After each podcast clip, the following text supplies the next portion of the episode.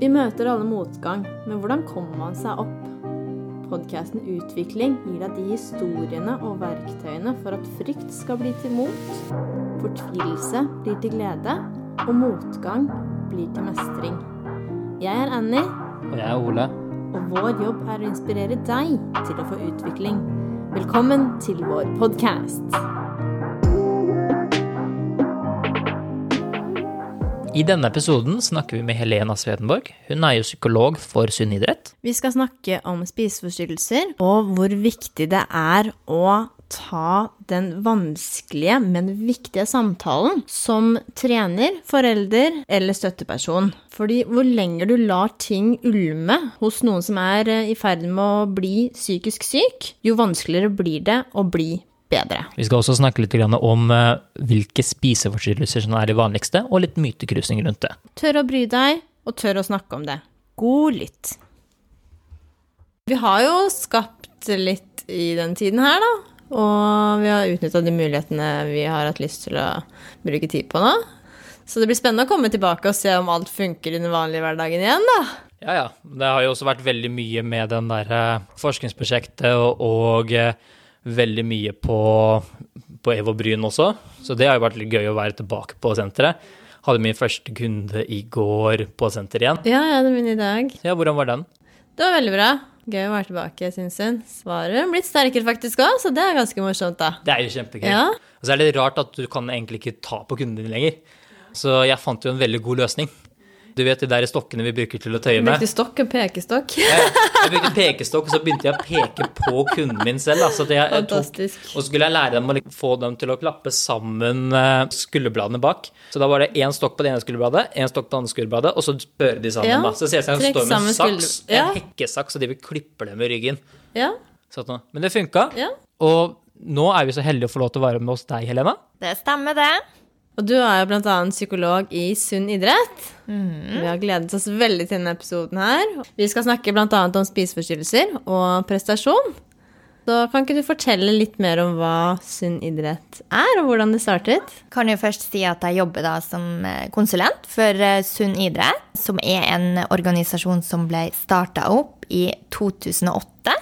Da var det da eh, fire eh, særforbund innenfor norsk idrett som eh, fant ut at nå er det en stor forekomst av spiseforstyrra atferd. Man så at det var utøvere som strevde med mat, med vekt med ulike, ulik problematikk knytta til det å skulle prestere, og da som var relatert til mat.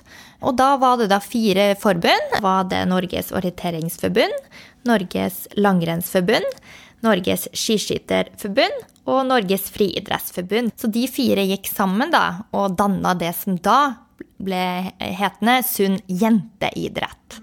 Så det var liksom starten på det, da. Så det var fire, fire forbund som tok på en måte litt ansvar for, for problematikken, da. Og gikk sammen.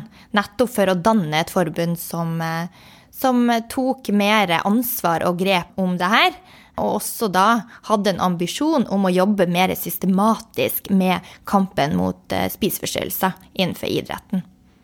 Starten var litt mer fokus for jentene, siden det var sunn Starten var, var fokusert på jenter, ja, for det var der man så at det var størst spiseproblematikk. Det var kanskje der det var mest synlig for trenere, for aktører rundt idrettsutøverne.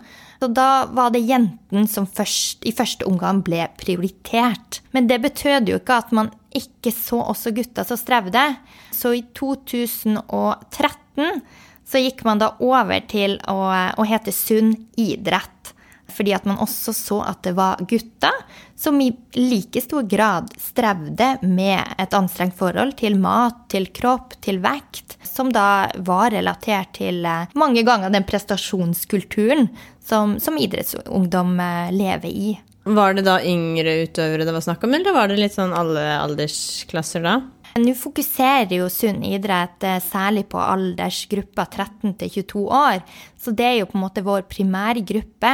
Men man ser det jo, ser det jo på en måte en tendens til at det er ikke sant, rundt 13 års alder at mange debuterer med en form for spiseforstyrra atferd eller en spiseforstyrrelse.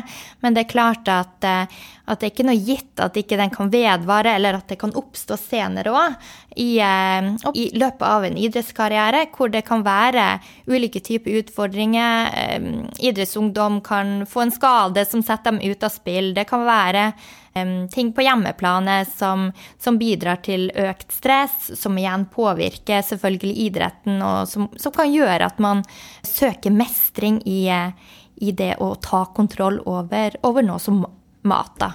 Så jeg vil jo si at det gjelder på en måte hele aldersspennet. Hva er de vanligste formene for spiseforstyrrelser? Du kan jo si at grovt sett så, så diagnostiserer man jo altså anoreksi, bulimi og overspisningslidelse. Det er de tre diagnosene som er på en måte anerkjent.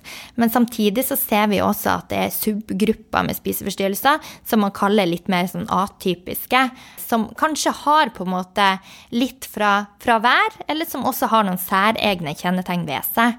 Men de tre hovedgruppene er jo de, de, jeg nevnte, da. Hvor anoreksi kanskje er den som er mest kjent for allmennheten. Eh, mange tenker på, altså Når man tenker på en spiseforstyrra menneske, så tenker man gjerne på en radmager kvinne, ofte, som, som sulter seg. Men det er jo ikke egentlig helt i overensstemmelse med virkeligheten. Ja, det er mange som strever med anoreksi, absolutt. Men det er en større hyppighet av bulimi, og ikke minst overspisingslidelse. Og innenfor de to sistnevnte, altså bulimi og overspisingslidelse, så er det ikke gitt at det vises på utsida i form av en mager kropp. Du kan være normalvektig eller ligge litt i pluss også, og derfor går det gjerne under radaren til mange. Både innenfor treningsbransjen, trenere, pårørende, foreldre. Men man kan like gjerne streve. Og det er jo flest som, som strever med overspisingslidelse i Norge. Det ser man jo på data. I forhold til hvordan kroppene ser ut, er det noen sånne statistikker på hvordan man ser ut i forhold til når man har en spiseforstyrrelse? Om det er flest overvektige eller normalvektige, undervektige? Det skal jeg være litt forsiktig med å uttale meg om, men, men jeg vet at uh, det er veldig mange som er normalvektige eller ligger litt i pluss, som har en spiseforstyrrelse. Så det er flere som, som er normalvektige enn under en, en adekvat, holdt på å si, en forsvarlig BMI, da. Kan være nesten som å si at med spiseforstyrrelse så er det egentlig ikke at uh, det handler egentlig ikke hvordan kroppen ser ut, det handler mer om forholdet ditt til mat. Absolutt. Så man kan jo si at det man på en måte kan se på utsida, er et symptomuttrykk, og ofte noe sekundært av det som egentlig er grunnlidelsen. For det man egentlig strever med, de fleste, er jo forholdet til egne følelser. Altså det er eh, hvordan man på en måte håndterer den indre uroen eller det stresset som man kan oppleve som følge av ulike stressbelastninger i, eh, i karrieren og, og, i det livet man lever. Eh, og der kan det jo være veldig mye som påvirker oss, og som kan gjøre at mat blir vanskelig. Og når det er sagt, så, så vil jo ofte maten være noe som man forsøker å regulere. ikke sant? Man, man opplever et ubehag, eh, følelsesmessig ubehag, og så søker man seg til maten kanskje for å unngå det ubehaget, eller døyve det, eller forsøke å skape en forutsigbarhet og kontroll i tilværelsen, fordi at man kanskje mangler, mangler en kontroll over eget følelsesliv. Men det er klart at man skal være forsiktig også med å, å generalisere og si at det er noen ting som gjelder for alle. fordi at jeg tenker spiseforstyrrelser og, og, kan være så ulikt fra individ til individ, selv om det er noen felles kjennetegn. Og jeg kan jo bare også kort si, for det sa jeg jo ikke nå innledningsvis, at det som kjennetegner bulimi, er jo ofte at man har en overspisningsepisode. Altså det er en, en, episode der man spiser veldig mye, gjerne i skjul, oftest i skjul. Eh, så det er jo mye hemmelighold Eh, rundt spiseforstyrrelser. Sikkert mye skam også. Eh, mye, mye skam. Og, og, ikke sant, de som sliter med bulimi, de spiser gjerne veldig mye i løpet av kort, et kort tidsintervall. Og så vil de prøve å kompensere for det inntaket. Og da vil jo kompensatoriske strategier være oppkast, avføringsmidler, eh, vanndrivende midler. Så man forsøker å på en måte kvitte seg med det, man, det inntaket man har gjort, for å, for å, kompensere og komme i balanse igjen.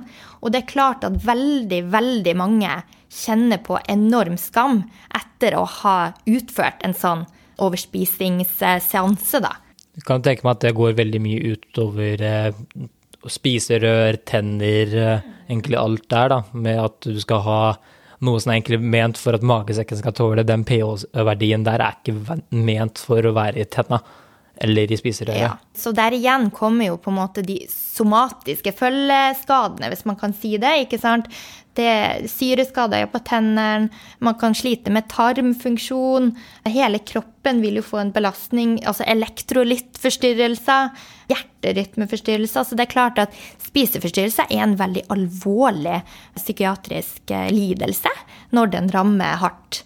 Og det er også en av de mest dødeligste innenfor psykiske lidelser. Og der du på en måte har uh, Den som strever med bulimi, vil jo da kompensere for inntaket. Men en som strever med overspisingslidelse, vil ikke ha noen kompensatoriske strategier. Altså da spiser man, spiser man seg full, ofte kvalmende mett, men så kvitter man seg ikke med det. Og mange beskriver at ja, det kjennes helt uutholdelig. Jeg er så stappmett at jeg sprikker, liksom. Og det kan jo nok mange kjenne på ikke sant? i juletida man har spist masse god mat og kjenner man ligger på sofaen og holdt seg litt rundt magen. Og det var, det var godt, men det er også godt å kunne liksom ha en normalt, normal måltidsrytme når man finner tilbake til hverdagen. Mens de med overspisingslidelse de vil jo konstant rett og slett eh, spise seg overmett og kjenne på et ubehag, men samtidig fortsette med det. Fordi at det gir en form for kontroll. Det er en form for en form for eh, døyving av vanskelige følelser, som likevel, selv om det er tungt å kjenne på den mettheten, så er det likevel bedre enn å kjenne kanskje på de følelsene og det, den indre uroen som mange setter ord på. da. Det med kontrollen, for det er noe vi For vi har jo hatt to episoder nå med spiseforstyrrelser, og det vi merker at ofte kommer tilbake, er det med kontroll. Mm. Det, det, med kontrollbehov, det går virkelig igjen, altså. Mm. Og hva er det egentlig som gjør at de trenger den kontrollen? Alle mennesker vil jo jeg tørre å påstå trenger eh, forutsigbarhet, kontroll, vi trenger å kjenne på mestring. Og så har vi et samfunn som er eh, veldig svingende. Det stilles mange krav til oss, ikke minst til altså prestasjon. Vi lever i et samfunn hvor vi bombarderes med masse inntrykk gjennom sosiale medier. Eh, det er mer sånn flyktig tilværelse hvor vi skal liksom skape vår, vår, egen vei, og vi fødes ikke inn i noen rolle som man kanskje gjorde tidligere. Så det er veldig mye som ustabilitet. Eh, og samtidig så, kan, så er det mye press, ikke minst fra en sjøl. Mange kan ha ganske høye krav til seg sjøl.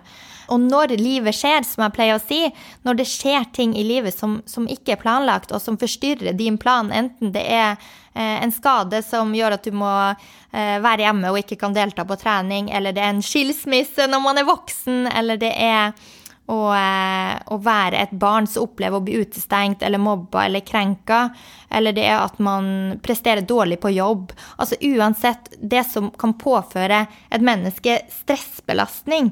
Hvis stressbelastninga um, overskrider din opplevde mestringsevne, altså du opplever at du har ikke ressurser til å mestre, så vil jo det medføre et tap av kontroll. Og vi mennesker vi vil jo forsøke å gjenvinne den kontrollen. Og da vil vi jo danne oss mestringsstrategier der og da. Og for mange så er maten noe som alltid er der. Maten er noe konkret. Og for både barn og voksne så kan det da medføre at det nettopp er maten man søker til. Det er det konkrete. Det er der alltid. Um, og man kan også forsøke altså at mat og kropp blir et form for instrument til å tåle følelsene. At det nesten blir en sånn følelsesregulator.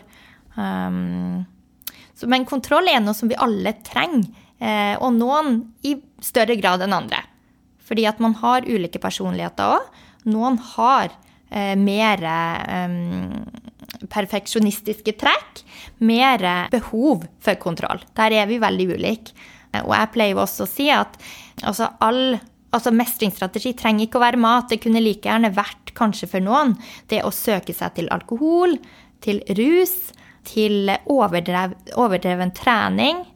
Altså, man finner en strategi for å mestre og for å skape en opplevelse av økt kontroll. Er det noen forskjell på, på gutter og jenter når det kommer til spiseforstyrrelser? Um, jeg er frista til å si ja, å si både ja og nei. Spiseforstyrrelser forekommer absolutt hos gutter òg. Uh, og jeg tror kanskje at det er enda mer skam knytta til uh, spiseforstyrrelser hos gutter og menn. Nettopp fordi at mange kanskje opplever det som en, en jentelidelse i gåsetegn. Det er den kvinnelige anorektikeren, eller det er jentene som, som, opplever slankepress, eller man på en måte har noen sånne eh, tendenser i tida som, som, på en måte skal tilsi at spiseforstyrrelser er noe som, som er mer et, et jentefenomen. Eh, men vi ser jo absolutt at gutter kan streve på lik linje med kropp, med mat, med vekt. Men at det kanskje eh, utarter seg, altså symptomuttrykket i kroppslig er annerledes. Man har jo snakka om en, en, mulig tilstand altså Dette er heller ikke noe diagnose, men det som man kaller megareksi. Altså at gutter som blir veldig opptatt av å bli muskuløs og stor, altså jo større, jo bedre, og blir nesten besatt av, eh, av det å se blodåra si, i muskulaturen og bli jo større, jo bedre. Og virkelig oppleve at det nesten blir tvangsmessig å spise opp en stor del av hverdagen. Um, og det er klart at uh, det er jo absolutt et strev på lik linje det å slite med bulimi eller anoreksi. Uh, for det er jo et anstrengt forhold til kroppen og en sykelig opptatthet av kroppens utseende. Og så kan jeg jo også, også, nevne at uh, det absolutt er gutter som strever også med anoreksi og bulimi og overspisingslidelse. Det er det. Men at det kanskje utarter seg litt annerledes. Og så vil jeg eh, tørre å påstå at det er litt mer skam knytta til det som fenomen. Og mange gutter eh, som jeg har møtt, kommer gjerne inn med, med skader eller eh, type utmattingstilstander med litt nedstemthet, og så finner man etter hvert ut når man jobber, at det kanskje ligger, ligger andre ting til grunn, da og kanskje da en, en spiseforstyrrelse. Litt det med den kontrollen er at man, prøver å finne noe som kanskje er Fordi at det har kanskje skjedd noe i livet deres, da. F.eks. du nevnte det med skade, eller kanskje det har skjedd noe på hjemmefronten. Kanskje det har vært en skilsmisse, foreldrene går fra hverandre. Men det kan alltids utløse, for da mister man litt kontrollen, og det er kanskje det trygge man var vant med. Og det vi fant ut på en av våre episoder, var at vi fikk høre at hun følte seg veldig sånn uovervinnelig når hun begynte å gjøre det, for det var liksom noe hun klarte å kunne takle, eller noe hun kunne jobbe veldig mye med. da. Du følte seg ikke så veldig sånn sliten heller, var det også beskrev? At de merka ikke noe sånt til det? For de fikk litt sånn drive, liksom sånn der motivasjon, sånn indre drive til å gjøre det, da. Men det kan jo også være hodet som har spilt et puss også.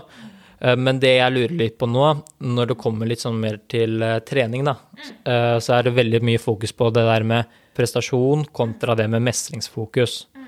Og jeg bare lurer på hvordan kan f.eks. det med bare sånn nå skal vi sørge for at vi skal vinne topprisen og lignende, enn eh, det å prøve å mestre, da, så nå skal vi prøve å mestre ferdigheter og lignende, er, har vi sett noe i det? Jeg vil jo si at det er veldig naturlig at man som menneske blir mer prega av den prestasjonskulturen enn den mestringskulturen. Rett og slett fordi at vi er flokkdyr, vi er sosiale vesener som sammenligner oss med hverandre og vi evaluerer oss ofte i lys av andre sine prestasjoner. Eh, så det å på en måte bli mer dreven av det å skulle prestere, det å skulle stå øverst på pallen, er ikke rart. Det tenker jeg tilhører litt menneskets natur. Og derfor er det jo desto viktigere at vi som, som, er rundt idrettsungdom, vi som jobber innenfor treningsbransjen, at vi faktisk er med på å styrke det mestringsperspektivet. For det er jo det man også vet, og det kan jo dere mer om enn meg, men ikke sant, det med indre motivasjon. Det, det trigges jo gjerne av at man, man ser utvikling hos seg sjøl over tid, og ikke det at man sammenligner seg med andre. For da blir jo det igjen ytre betinga, eh, og man kjenner kanskje ikke like stor mestring. Eh, men, eh, men det å være veldig prestasjonsorientert er naturlig, samtidig som vi forsøker jo å fokusere og styrke mer den mestringskulturen. Men der tror jeg vi alle må dra lasset sammen.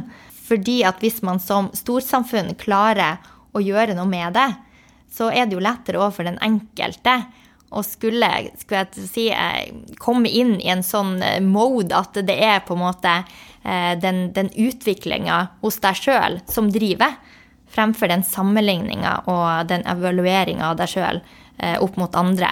For det er jo ofte det som blir veldig uheldig, særlig når vi har 13-14-åringer som sammenligner seg med en idrettsutøver som er 30, og som kanskje har trent eh, i en årrekke og har et helt annet fysisk og psykisk grunnlag. Ti års forsprang, liksom? Yes, rett og slett. Og man snakker jo ofte om, om idrett og, og, spiseforstyrrelser som litt sånn søskenkulturer, fordi at de deler nå de samme premissene. Man skal prestere, man skal man bruker, man bruker kroppen som instrument.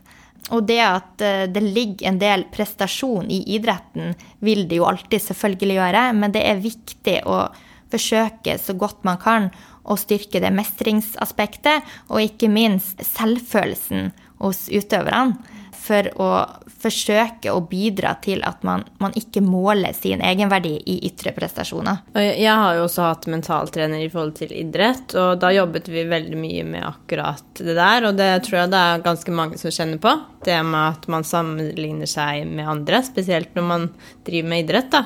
Det vi jobbet med, var det å tenke over og evaluere både underveis og før og etterpå hva var bra nok for meg nå? Hva var det jeg presterte? Ikke hva resultatet ble, men hva var det jeg presterte nå? I forhold til hva vi har lagt ned arbeid og sånn i den prosessen frem til da, da. Og da var det ganske mye bra som kom frem likevel, selv om kanskje ikke man fikk det resultatet man ønska. Så det tror jeg er veldig viktig å fokusere på. Hvordan er det dere i Sunn idrett jobber i forhold til det? I forhold til å coache trenere og foreldre og sånn? Vi har jo flere, flere, tilbud. Nå er det jo to som er fast ansatt, og så har man jo et team av konsulenter som er en del av òg, hvor vi jobber med bl.a. Spis smart, som er foredrag som vi tilbyr idrettsungdomsskolen, og også andre idrettsgrupper og klubber som er interessert, hvor det er næringsfysiologer som, som, som, som fokuserer på, på, å formidle hva et uh, smart kosthold er når man er idrettsutøver. For det er klart at, at det man må også på en måte øke kunnskapen om hva som kan fremme matglede, hva som er viktig å få i seg eh, for å kunne restituere, og for å kunne selvfølgelig eh, prestere i sin idrett, og for å ha en god helse. Og så har vi også noe som heter hverdagsmestring i et prestasjonsmiljø. Så merk dere det, hverdagsmestring. Eh, som, eh, som, også er um, noe som vi server idrettsgymnasene med. Som er en foredrags-slash-workshop-sanse, hvor vi fokuserer på på idrettspsykologiske temaer som vi vet er viktig eh, for å rett og slett ruste eh, ungdommene i, i, det de kan møte på i sin idrettskarriere. Og der snakker vi om, om både selvfølelse, motivasjon, betydningen av fellesskap. Men også hvordan man kan backe hverandre opp og, og, ta samtaler som kanskje ikke alltid er så lett, hvis man ser at noen, noen medelever eller medutøvere sliter. Så det er et veldig stort fokus både på det å skulle forebygge, men også det å skulle prøve å hjelpe skolen der ute til å fange opp utøvere som strever så tidlig som mulig. Og så har vi også da bekymringstelefon, så man kan ringe inn til Sunn idrett på hverdager og drøfte anonymt hvis man er bekymra for, eh, for, noen man følger, eller man kanskje er en lærer, eller man er en PT òg, tenker jeg. Altså det er mye kompetanse og kunnskap som Sunn idrett har, som, som man kan benytte seg av. Og så har vi også en anonym chat som serves av en psykolog på, på mandagene på kveldstid. Mm. Dere har veldig stort fokus på å øke kunnskapen da, blant alle ressursene rundt uh, disse ungdommene. Absolutt, absolutt. Og, og, jeg tenker jo at det med matglede, det med treningsglede, er viktige stikkord for, for sunn idrett. Det å være med å skape god idrettsmiljø, skape eh, sunn, en sunn idrett, som, som har et fokus på å, um, å skape robuste miljøer som, som kan eh, tilføre, tenker jeg, både barn og unge gode opplevelser eh, sammen. Enten det er på en fotballbane, eller det er i skiløypa, eller eh, i orienteringsløypa. Det er mange ulike sporter der ute, og vi, vi har jo nå 55 særforbund som vi, som vi server. For nå, det nevnte jeg jo ikke innledningsvis, men nå er jo Sunn idrett en del av Norges idrettsforbund fra, fra egentlig 2020, men det ble vedtatt da i 2019. Så det er jo også stort, og det tenker jeg sender et tydelig signal om at uh, spiseforstyrrelser og um, uh, utøvers psykiske helse og, og, og, trivsel er viktig. Og, og, det er flere tematikker innenfor det med, med idrett, da, selvfølgelig, som man kan ta, ta, tak i. Og det er jo ikke kun spiseforstyrrelser, det er jo andre annet strev òg som vi kan se innenfor idrett. Og det er viktig viktig si, for sunn idrett å, være også med i tida. Eh, så hvis det dukker opp nye problematikker innenfor idretten, at man, man er litt på, på, ballen der, da. Jeg liker veldig godt at dere tar det med idrettsgymnasene og de toppidrettsgymnasene. Fordi jeg gikk jo på et sånt selv, og jeg kan godt se hvordan det er for hverdagsmestring der. Men hvis jeg er en trener, og jeg merker nå at eh, ok, en av mine utøvere eller en av mine kunder begynner å slite med dette her, hva er det hvordan er det jeg skal snakke med dem? Jeg tenker at eh, det som gjør at mange frykter og, og, og, og ender opp med å ikke ta den samtalen, er jo rett og slett redselen for hva er det som møter meg. Eh, hvilke svar får jeg? Hvordan er responsen og reaksjonen til den jeg tar det opp med? Altså at man har, en, man har en frykt, en grunnleggende frykt der, som gjør at mange unngår. Og det er helt naturlig, fordi at man, man unngår jo det de situasjonene som man opplever at man ikke har helt kontroll over. Men det er viktig at man tar den samtalen. Og jeg har jo en liten kjepphest. Jeg tenker Man skal ikke kalle det nødvendigvis den vanskelige samtalen. For den behøver ikke å være vanskelig. Kall det heller den viktige samtalen, hvis man skal ha et navn på det. Og tenk at det som er viktig når du tilnærmer deg vedkommende, det er å ha nok tid. Altså du, du bryter på en måte ikke inn midt i ei trening og henter utøveren og tar den med deg på sidelinja og tar denne praten. Nei, du venter til trening er over, du møter vedkommende, spør om vedkommende kan ha tid til en samtale med deg og man går til et lukka rom, skulle jeg til å si. Altså man, man finner et rom der det er kun deg og vedkommende. Og så er det viktig at man, man, sier noe om hva er det som bekymrer deg. Altså at man begynner med jeg. Altså jeg observerer, jeg opplever at du nå eh, virker sliten på trening, at det ser ut som du har mindre energi. Jeg er bekymra. Altså man tar utgangspunkt i det man sjøl opplever, og det man observerer. Og så er det én ting som jeg er veldig opptatt av at man ikke skal gjøre, og det er å kommentere direkte på kroppen. For det kan eh, føre veldig feil. Jeg håper å si ikke, ikke føre feil, det var et dårlig uttrykk, men, men, det kan gjøre litt vondt verre og gjøre at utøveren blir veldig benektende og går litt i forsvar. Så det er viktig at man, man unngår å, å, kommentere kropp, eh, og heller eh, sier noe om det man observerer, det man er bekymra for. Sett av nok tid, og gjerne, hvis man kommer i posisjon til utøveren, prøve å legge en plan. Altså hvordan går vi videre for å hjelpe deg? Og når det er sagt, så er det veldig veldig vanlig at man må gå mange runder, og at man i den første samtalen møter benektelse, unngåelse og bagatellisering. Men ikke gi opp for det? Man må ikke gi opp. Da tenker jeg at det er viktig at man sier noe om at eh, man forstår og man hører, og, og at det alltid er ei dør åpen hvis vedkommende vil, vil snakke med deg. Det tenker jeg også, fordi det, når man eh, får en sånn samtale, da, hvis man er den som blir kontakta, så tenker jeg at da ville i hvert fall jeg gått hjem og bare reflektert litt. Ok, hva er det som skjedde nå? Kanskje man ikke skjønner det helt sjøl, og så kanskje neste gang du spør, da, så bare boom, åpner man seg skikkelig. Ja, og jeg, jeg, kan jo bare si Jeg tenker jo som, som PT, nå er jo ikke jeg det, men, men, jeg tenker man har jo observert òg en del som man ser på treningssenteret som kanskje er undervektige, og som man kanskje ser har nesten en sånn overdreven trening, eh, treningsatferd. Eh, så jeg tenker det er jo på en måte noe man sikkert kan observere òg ute i treningsbransjen. Og jeg vil jo oppfordre også den bransjen til å, til å ta tak.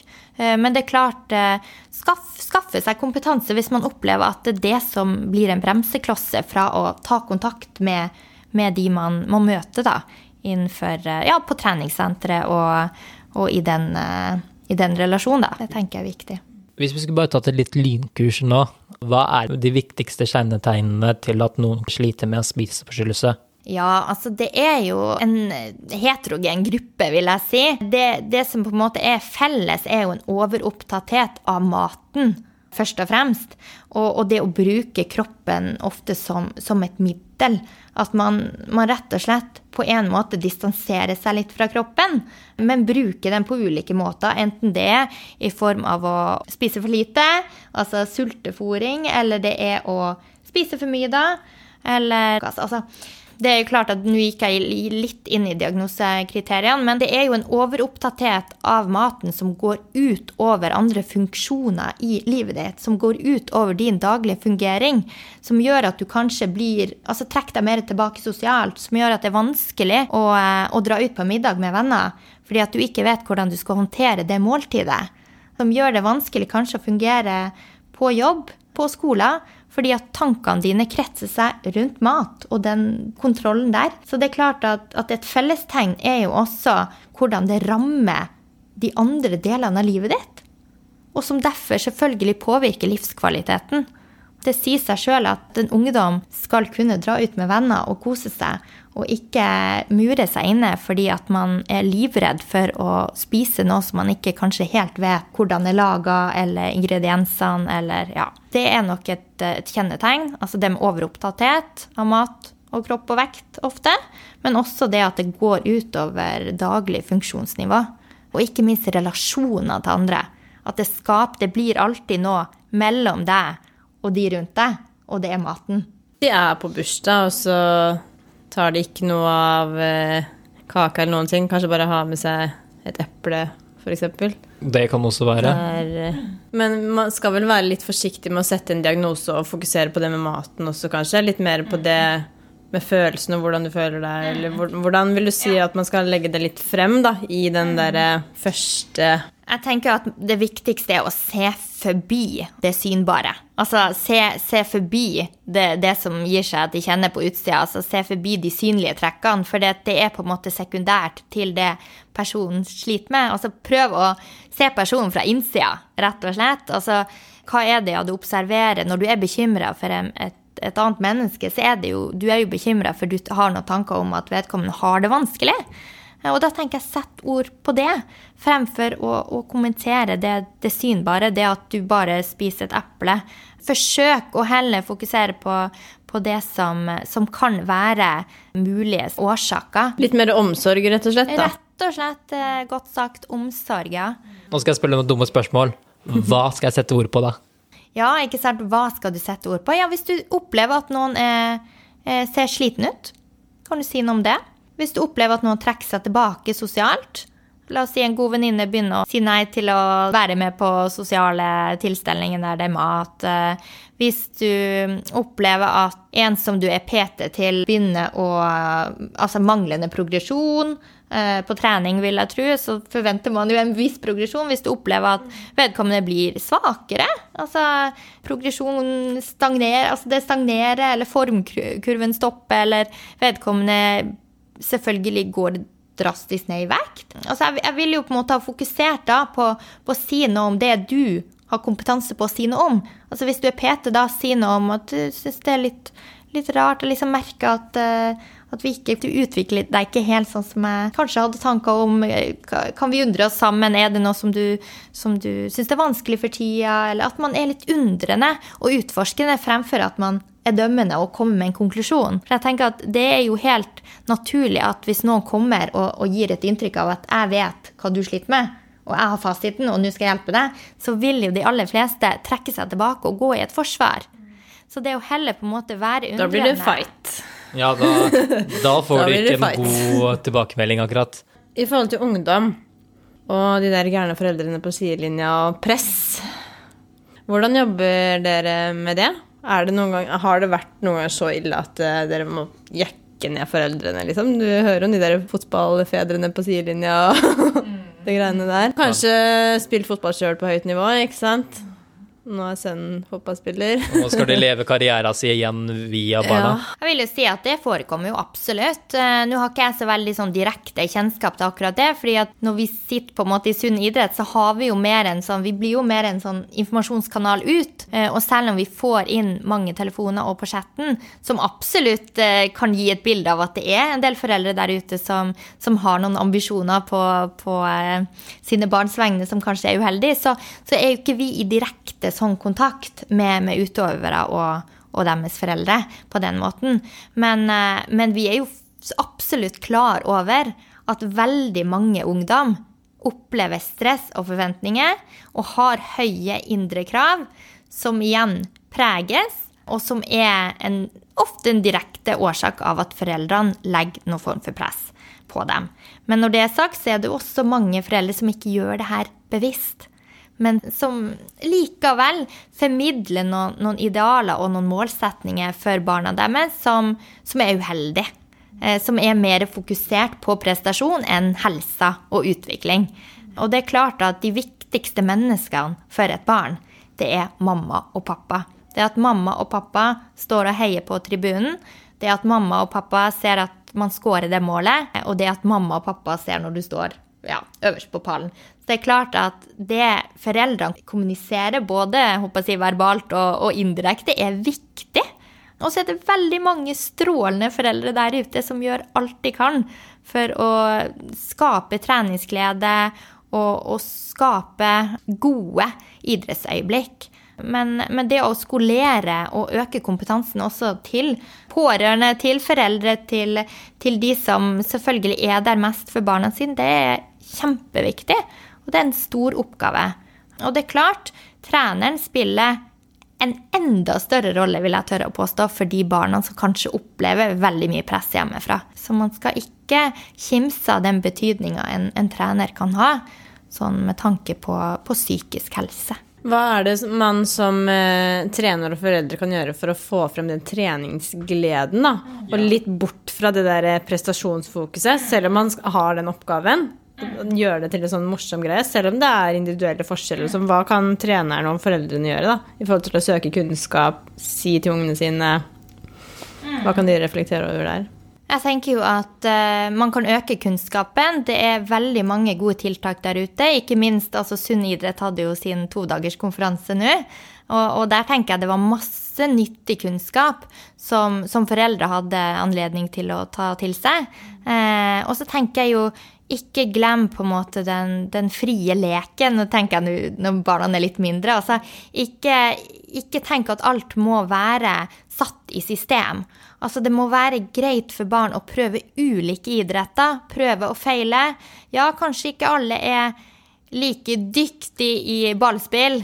Eh, men hvis de har lyst til å holde på med det, så la dem holde på med det istedenfor langrenn. Altså hvis det var ja. Jeg tenker det å på en måte bevare den breddeidretten er så viktig. Eh, og sørge for at eh, når man da eventuelt spesialiserer seg innenfor en idrett, at det er barnet sitt ønske. Mm. Og ikke noe som eh, skapes av folkene rundt.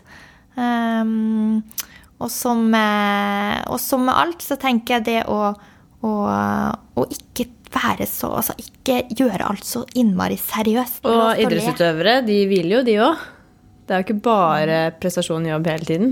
Hvile er en veldig viktig del av det å prestere. Og noe av det mest paradoksale er jo at uh, når du ser på idrettsutøvere og de som gjør det best, så hvis man skal gå tilbake på det med prestasjon, så er det faktisk de som har spesialisert seg sist, som er de som er høyest oppe i medaljetagningene. Det er de som har vunnet flest OL-medaljer, det er de som faktisk holdt på med flere idretter over lengre tid.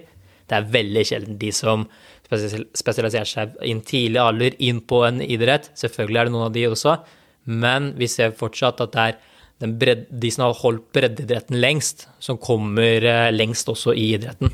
Da ligger det en sånn spesiell motivasjon der, da? Det tror jeg absolutt, og, og utøverne får også muligheten til å utvikle evner på, på, flere områder.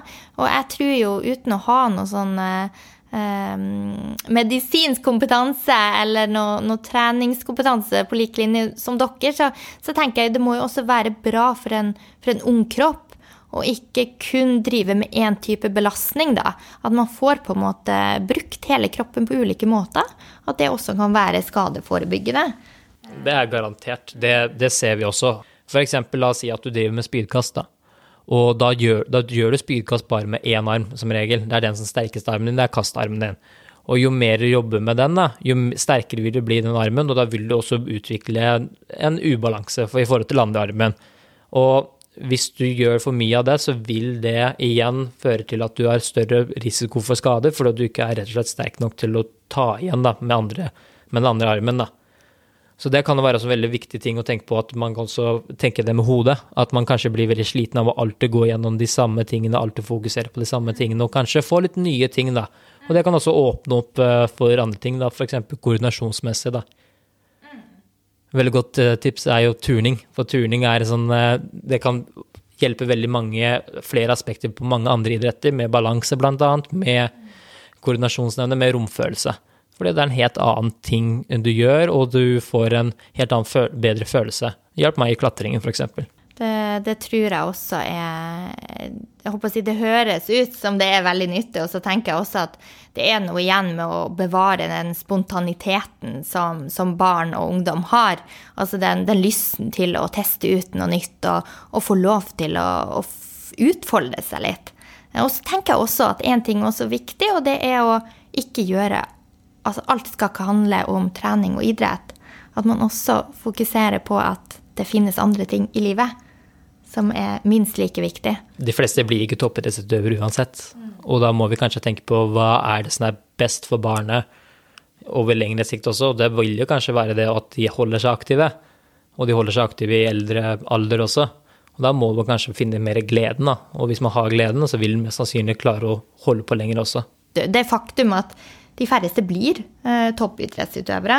Eh, det er viktig å bevare drømmen hos de unge, tenker jeg. Det er viktig. Men, men også ha flere bein å stå på, sånn at ikke hele din identitet er toppidrettsutøver.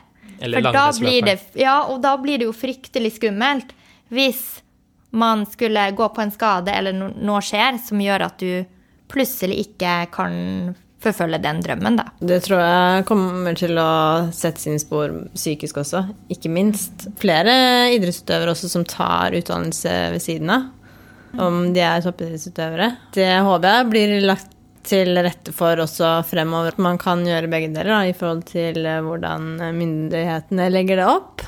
For det er jo en form for jobb, selv om det er en ganske spesiell jobb. Absolutt, og, og jeg tenker stikkordet der er jo denne balansen Altså, det er jo første idrettsutøverne jeg kommer til å tenke på når du sier det med utdanning, er jo Astrid Urenholt Jacobsen, som har tatt medisinstudiet parallelt. Og hun har jo nettopp sagt om at det er godt med den balansen. Det å kunne dypdykke i bøkene. Eh, og studere noe, og, og, ikke tenke på idrett en periode. At det er viktig for å nettopp opprettholde motivasjonen i langrennssporet. At det har, eh, har vært noe som har eh, har gjort også at hun har, har flere eh, muligheter, da. Eh, og ikke kun innenfor for idrettsarenaen, eller på idrettsarenaen. Da har man jo en plan for fremtiden også. Mm. Så det tror jeg er en veldig fin motivasjon. Ja, og Selv om du blir toppidrettsutøver og du gjør det veldig veldig bra, så er det fortsatt en kort karriere i forhold til hva annet du skal gjøre resten av livet. De fleste er ikke toppidrettsutøvere til er 50, det er ikke så mange som er som Bjørn Dalen akkurat der. Men uh, la oss si at du er en personlig trener, da, og du har en kunde nå som sliter med spiseforstyrrelser, og de har bestemt seg for å få hjelp. Så de går til en psykolog. Hvordan er det da en uh, personlig trener skal stå opp i dette her, da? For de har jo også en rolle å si der hvis de fortsatt vil trene, og de vil fortsatt trene med sin trener, da. Hvordan er det de skal uh, gå? Burde de ha noe samarbeid, eller burde psykologen og treneren? Jeg tenker jo at det beste eh, for eh, vedkommende som må følge opp eh, kunden, da, det beste for kunden er jo et tverrfaglig samarbeid. Eh, men at det skjer på kundens premisser, at det er kunden som har regien og styringa. Eh, og i det konkrete tilfellet så ville jeg jo tenkt at det å høre med kunden du eh, kan jeg få, få muligheten til å, til å, snakke med din behandler, eller kan vi sammen på en måte eh, ha et, et, møte, da? Eh, så kan vi snakke om hvordan vi skal legge det her opp, sånn at det skjer på en eh, forsvarlig måte som, som kan være best til, eh, mulig til nytte da, for, for, kunden. For det er klart at veldig mange kan jo også oppleve at uh, med en gang, hvis man i gåsetegn blir avslørt og har en spiseforstyrrelse, at da får jeg ikke lov til å holde på med trening. Da, kan, da må jeg på en måte skrinlegge det. Og for mange er jo det en viktig del av hverdagen. Eh, så jeg tenker at det er viktig hvis man har muligheten å, å inngå i et samarbeid eh, hvor kunden står i sentrum og holder i det, og der man som PT også da får muligheten til å, å snakke da med, med, de som er behandlere og, og, og rundt, eh, rundt, kunden. Drømmescenario er jo hvis, hvis, treningsbransjen og helsevesenet kan samarbeide tettere. Eh, det tror jeg hadde vært eh, det beste for veldig mange der ute. Og kanskje også gjort det, lettere å, å Eller ikke lettere, men, men kanskje gjort at færre frykter at man skal miste så mye av det livet man lever nå. Men det er klart at har man, eh, har man en kunde som er svært undervektig, så kan man kanskje ikke trene på en stund. Det, det, er klart det, men det å da opprettholde kontakten med kunden, sånn at man kanskje gradvis og på sikt kan gjenoppta trening, vil jo da være noe som, som kan være veldig godt for den kunden å vite. At hei, det er noen der i, i enden av tunnelen og venter på meg. Og kan bygge meg opp igjen når jeg er klar. Fordi at uh, Jeg syns det er egentlig en veldig viktig poeng å tenke på. da, Og så av og til da, så må man uh, skal jeg være litt sånn, for jeg tror det også er noen trenere som tror at de skal klare alt sammen også. Men igjen, da, det er en grunn til at vi har rørleggere, og det er en grunn til at vi har elektrikere i et hus. De gjør hver sin jobb, og de gjør den veldig bra, og sammen bygger vi et bra hus. Sammen skal vi bygge opp kunden vår. Vi har ikke spesialkompetanse på alt. Og det er veldig viktig også å tenke på, da. For at uh, du går jo ikke Du går til en fysioterapeut når du trenger uh, når du har en skikkelig skade, og du må rette opp i den. Du reparerer ikke den skaden selv alltid. Og sånn som spiseforstyrrelser er jo en diagnose, og det bør jo behandles profesjonelt. Det er ikke noe tvil om det. Så, så det tror jeg folk, eh, og spesielt trenere, bør være flinkere til å søke kunnskapen om også å være med i den prosessen. Og så hvis man får lov, da, på, på kundens eh, premisser, og skissere da, at det, det, faktisk er mulig, da. For det er kanskje noe de faktisk ikke tenker på at det er mulig. Jeg tror at det vil, eh, vil skape et veldig godt eh, samarbeidsforhold mellom kunden og PT-en, og også øke tilliten til at eh, dere i, i, bransjen tar kundene deres på alvor, og er opptatt av at de skal ha en god helse. Um, så, så, jeg tror at tverrfaglighet er veien å gå. Og jeg tenker også det å ha respekt for, for ulike fagfelt, og at man er ydmyk overfor hverandre. At man har ulik kompetanse, ulik ekspertise. Uh, og at man derfor må prøve å, å snakke sammen. Og, og, det er klart at uh, kropp og syke, de samspiller. Uh, så det er helt naturlig at man også da samarbeider på tvers. Eh, enten man jobber kun med hodet, skulle jeg til si, eller, eller også jobbe da som PT og i hovedsak fokusere på, på, kroppen. Hvis man skal jobbe litt mer sånn forebyggende da, i forhold til treningssentrene og lagidretter og sånne ting, hvordan er det man kan gjøre det? Jeg tenker jo Et godt eksempel er jo faktisk eh, treningskjeden EVO sin eh, en, en sunn kropp har ingen fasit. Takk. Den likte jeg veldig, veldig godt, fordi at det fokuserer på noe helt annet enn eh, å perfeksjonere kroppen. Altså, jeg syns jo det er skummelt når man kaller treningstimer, saltimer, for eh, eh, kroppslige deler, skulle jeg til å si, eller eh, Extreme fat burn, ja, de tingene. De tingene der. Jeg tenker det er veldig uheldig. Det sender noen uheldige signal om hva trening skal bestå i. Um, så det å, å, gå inn for en markedsføring som fokuserer på, på hva kroppen får til, uh, og alt det man kan uh, opparbeide seg gjennom trening i form av en sterkere kropp, bedre kognitive evner, altså hukommelse, konsentrasjon, utholdenhet, energi Fokusere mer på de aspektene ved trening tror jeg er kjempeviktig. Og det, det mener jeg sterkt at treningsbransjen kan gjøre masse. Og det er jo et glimrende eksempel, det, den kampanjen som EVO hadde. Så det, det, tror jeg mange la merke til og syns var et veldig friskt pust i denne bransjen. Jeg tror jeg har sagt 100 ganger til eh, kundene mine at eh, det var en studie som viste at når barn er på gymtimer i starten av eh, dagen, så gjør de det bedre resten av skoledagen. Og det er så gøy å se på annet at hvordan trening kan også hjelpe til med andre arenaer enn bare det kroppslige, da, og bare det styrkemessige og bare det prestasjonsmessige i hva du kan gjøre fysisk, men også hva du kan gjøre på jobben din, hvordan du kan takle bedre stress. Det at man gjør noe man liker, da. Mm. det er jo det man kommer igjen eh, og igjen på her, egentlig, hele tiden. Så det tror jeg er viktig. Å være fysisk aktiv og se hva kroppen har muligheten til å gjøre i hverdagen også, da. Den er funksjonell, ikke minst. Ja, og, og jeg må bare få, få legge til at, at, det dere sier her om altså, hvordan det, en gymtime ja, på, på, starten av skoledagen kan øke prestasjonen i, i, akademiske fag hos elever, det ser man jo. Og man ser jo også at økt aktivitet, altså trening, gjør noe med hjernen. Altså rett og slett, man ser det på sånn nevropsykologiske mål, at, at man får bedre prestasjon. Og man kan også forebygge psykiske lidelser gjennom å være aktiv, ja, være i bevegelse.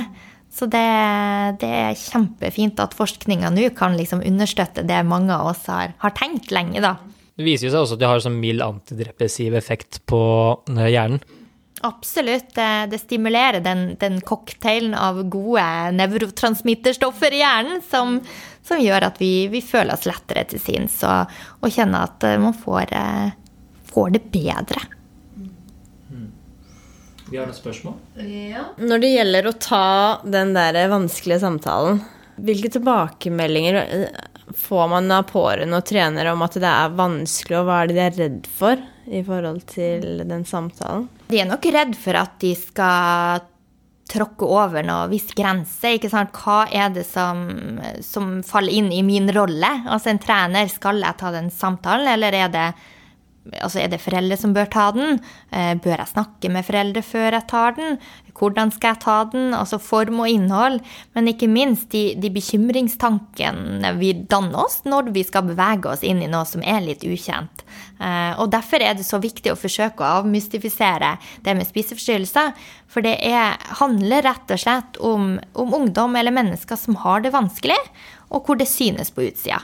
Så det å se mennesket, det å bare tørre tørre å snakke åpent om det man ser, eh, er kjempeviktig.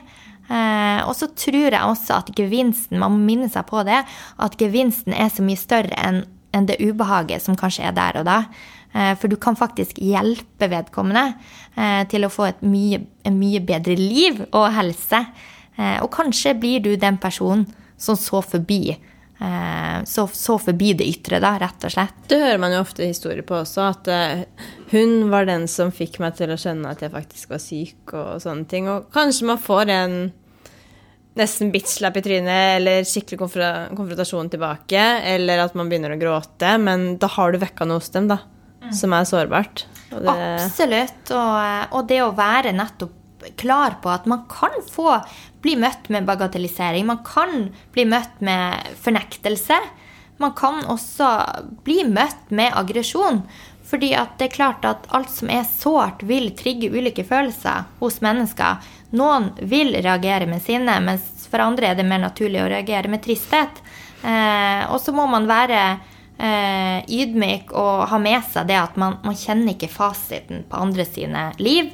Og man kjenner heller ikke til alt det som, som kanskje rører seg i vedkommende situasjon eller ja, livsbetingelser. Så, så, det å på en måte være undrende, ikke dømmende, og ikke tenke at du må komme med noen konkrete råd. For det tror jeg kanskje mange gjør. Man Hobbypsykologer eh, ja, ute og går? Ja. Hva, hva, hva, hva, i all verden svarer jeg hvis jeg får på en måte bekrefta mine bekymringer, da? Så at man sammen kan finne ut hva man gjør videre, da. Hvis man kommer til den at man uh, skjønner at man må gjøre noe. Og Absolutt. selv om man ikke uttrykker det verbalt til den som spør, med at noen spør deg om det går bra, så blir man jo faktisk sett. Det er noen som ser deg.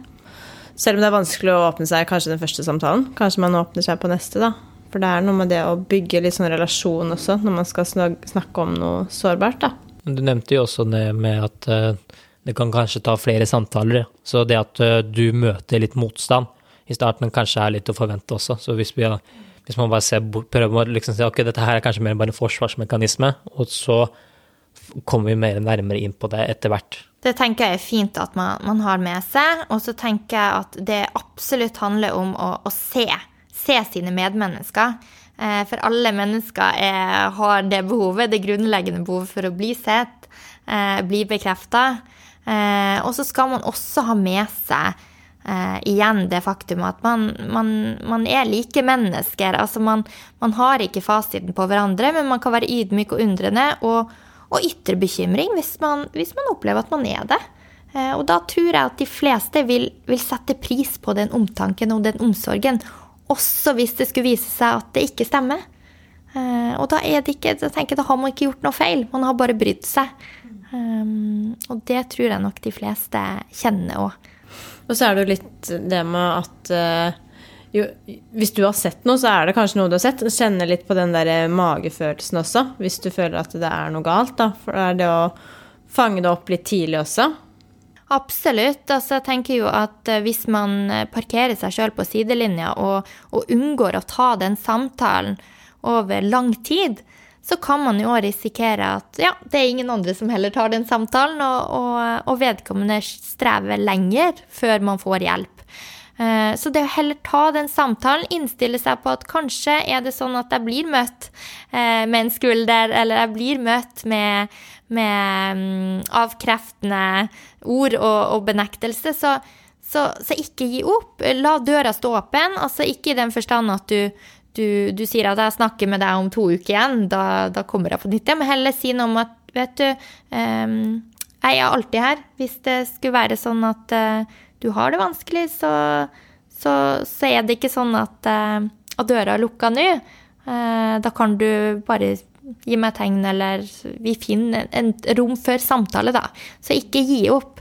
Samtidig som man ikke skal være en sånn uh, klegg, skulle jeg si, som uh, Nesten si akkurat den setningen du sa nå. Du har en samtalepartner her hvis du trenger det. Mm. Ikke sant. Ja. Være litt sånn ydmyk, da, at uh, jeg er ikke noe ekspert på det her, men uh, skisserer kanskje litt hva man kan gjøre videre også. Hva er de vanligste behandlingsformene og sånn, hvis man skal gå videre og man får bekrefta at det er et problem som ligger i bunnen her?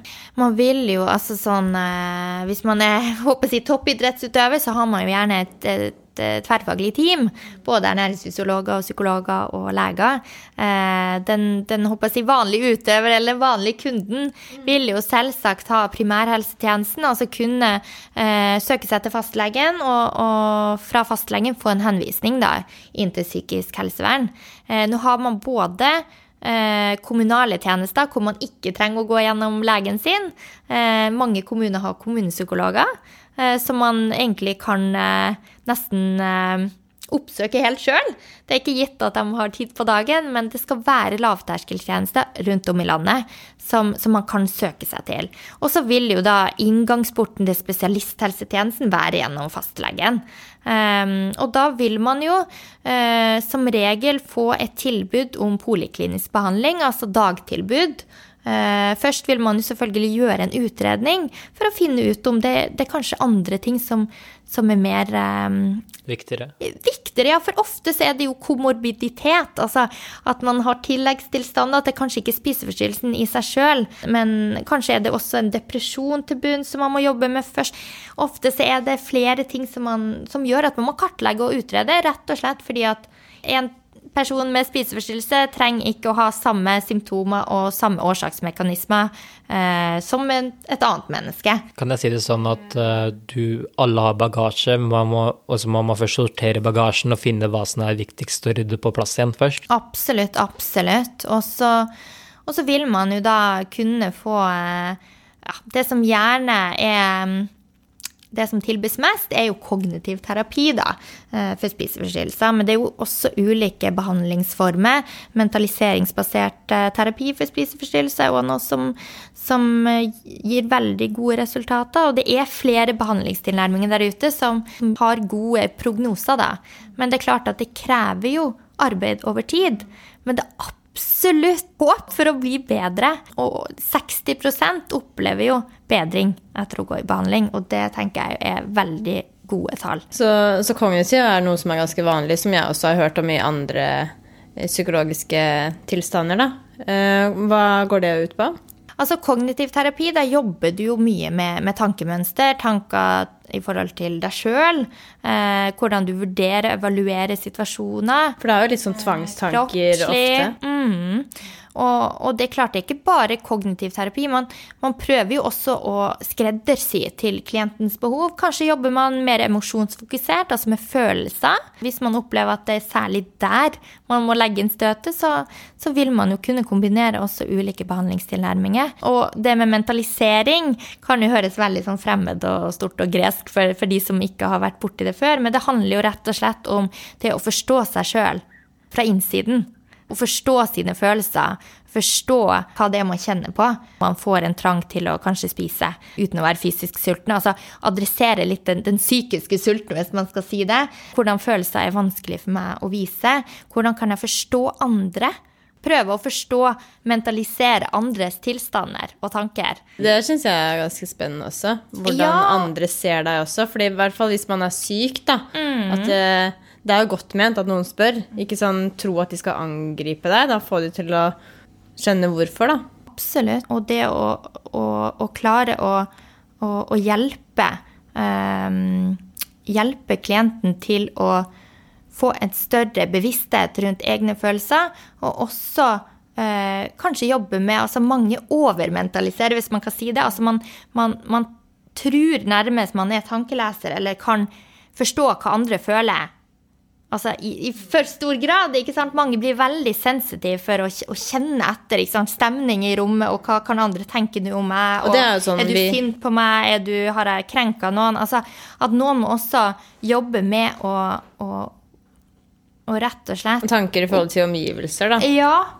At man, man blir så fininnstilt på å mentalisere for andre og bry seg og ivareta andre, og så glemmer man kanskje litt sine egne behov sine egne følelsesmessige behov. Men det, det, er klart at det er et vidt spekter av mekanismer og årsaksforhold. Så det er liksom vanskelig å på en måte si akkurat hvordan man, man jobber i, i, det konkrete tilfellet. Men, men, det er viktig å være undrende på, på den, den, det mennesket som du møter i døra. Og ikke møte mennesket med en diagnosemanual, men først og fremst se deg og det du strever med. Vi du noen andre spørsmål? Ja, det er masse. Hvorfor er det greit å snakke om de fysiske skader når man har brukket noe? Hvorfor er det så vanskelig å snakke om mentale og psykiske ting som man sliter med? For det er jo sånn Noen er jo veldig vant til å snakke om det og snakker gjerne om det, men andre snakker ikke om det i det hele tatt. Selv om hvis det er over lang tid, så kan det også bli synlig da, at man ser at man er litt nedstemt og sånne ting. Hvorfor er det så vanskelig å snakke om det psykiske?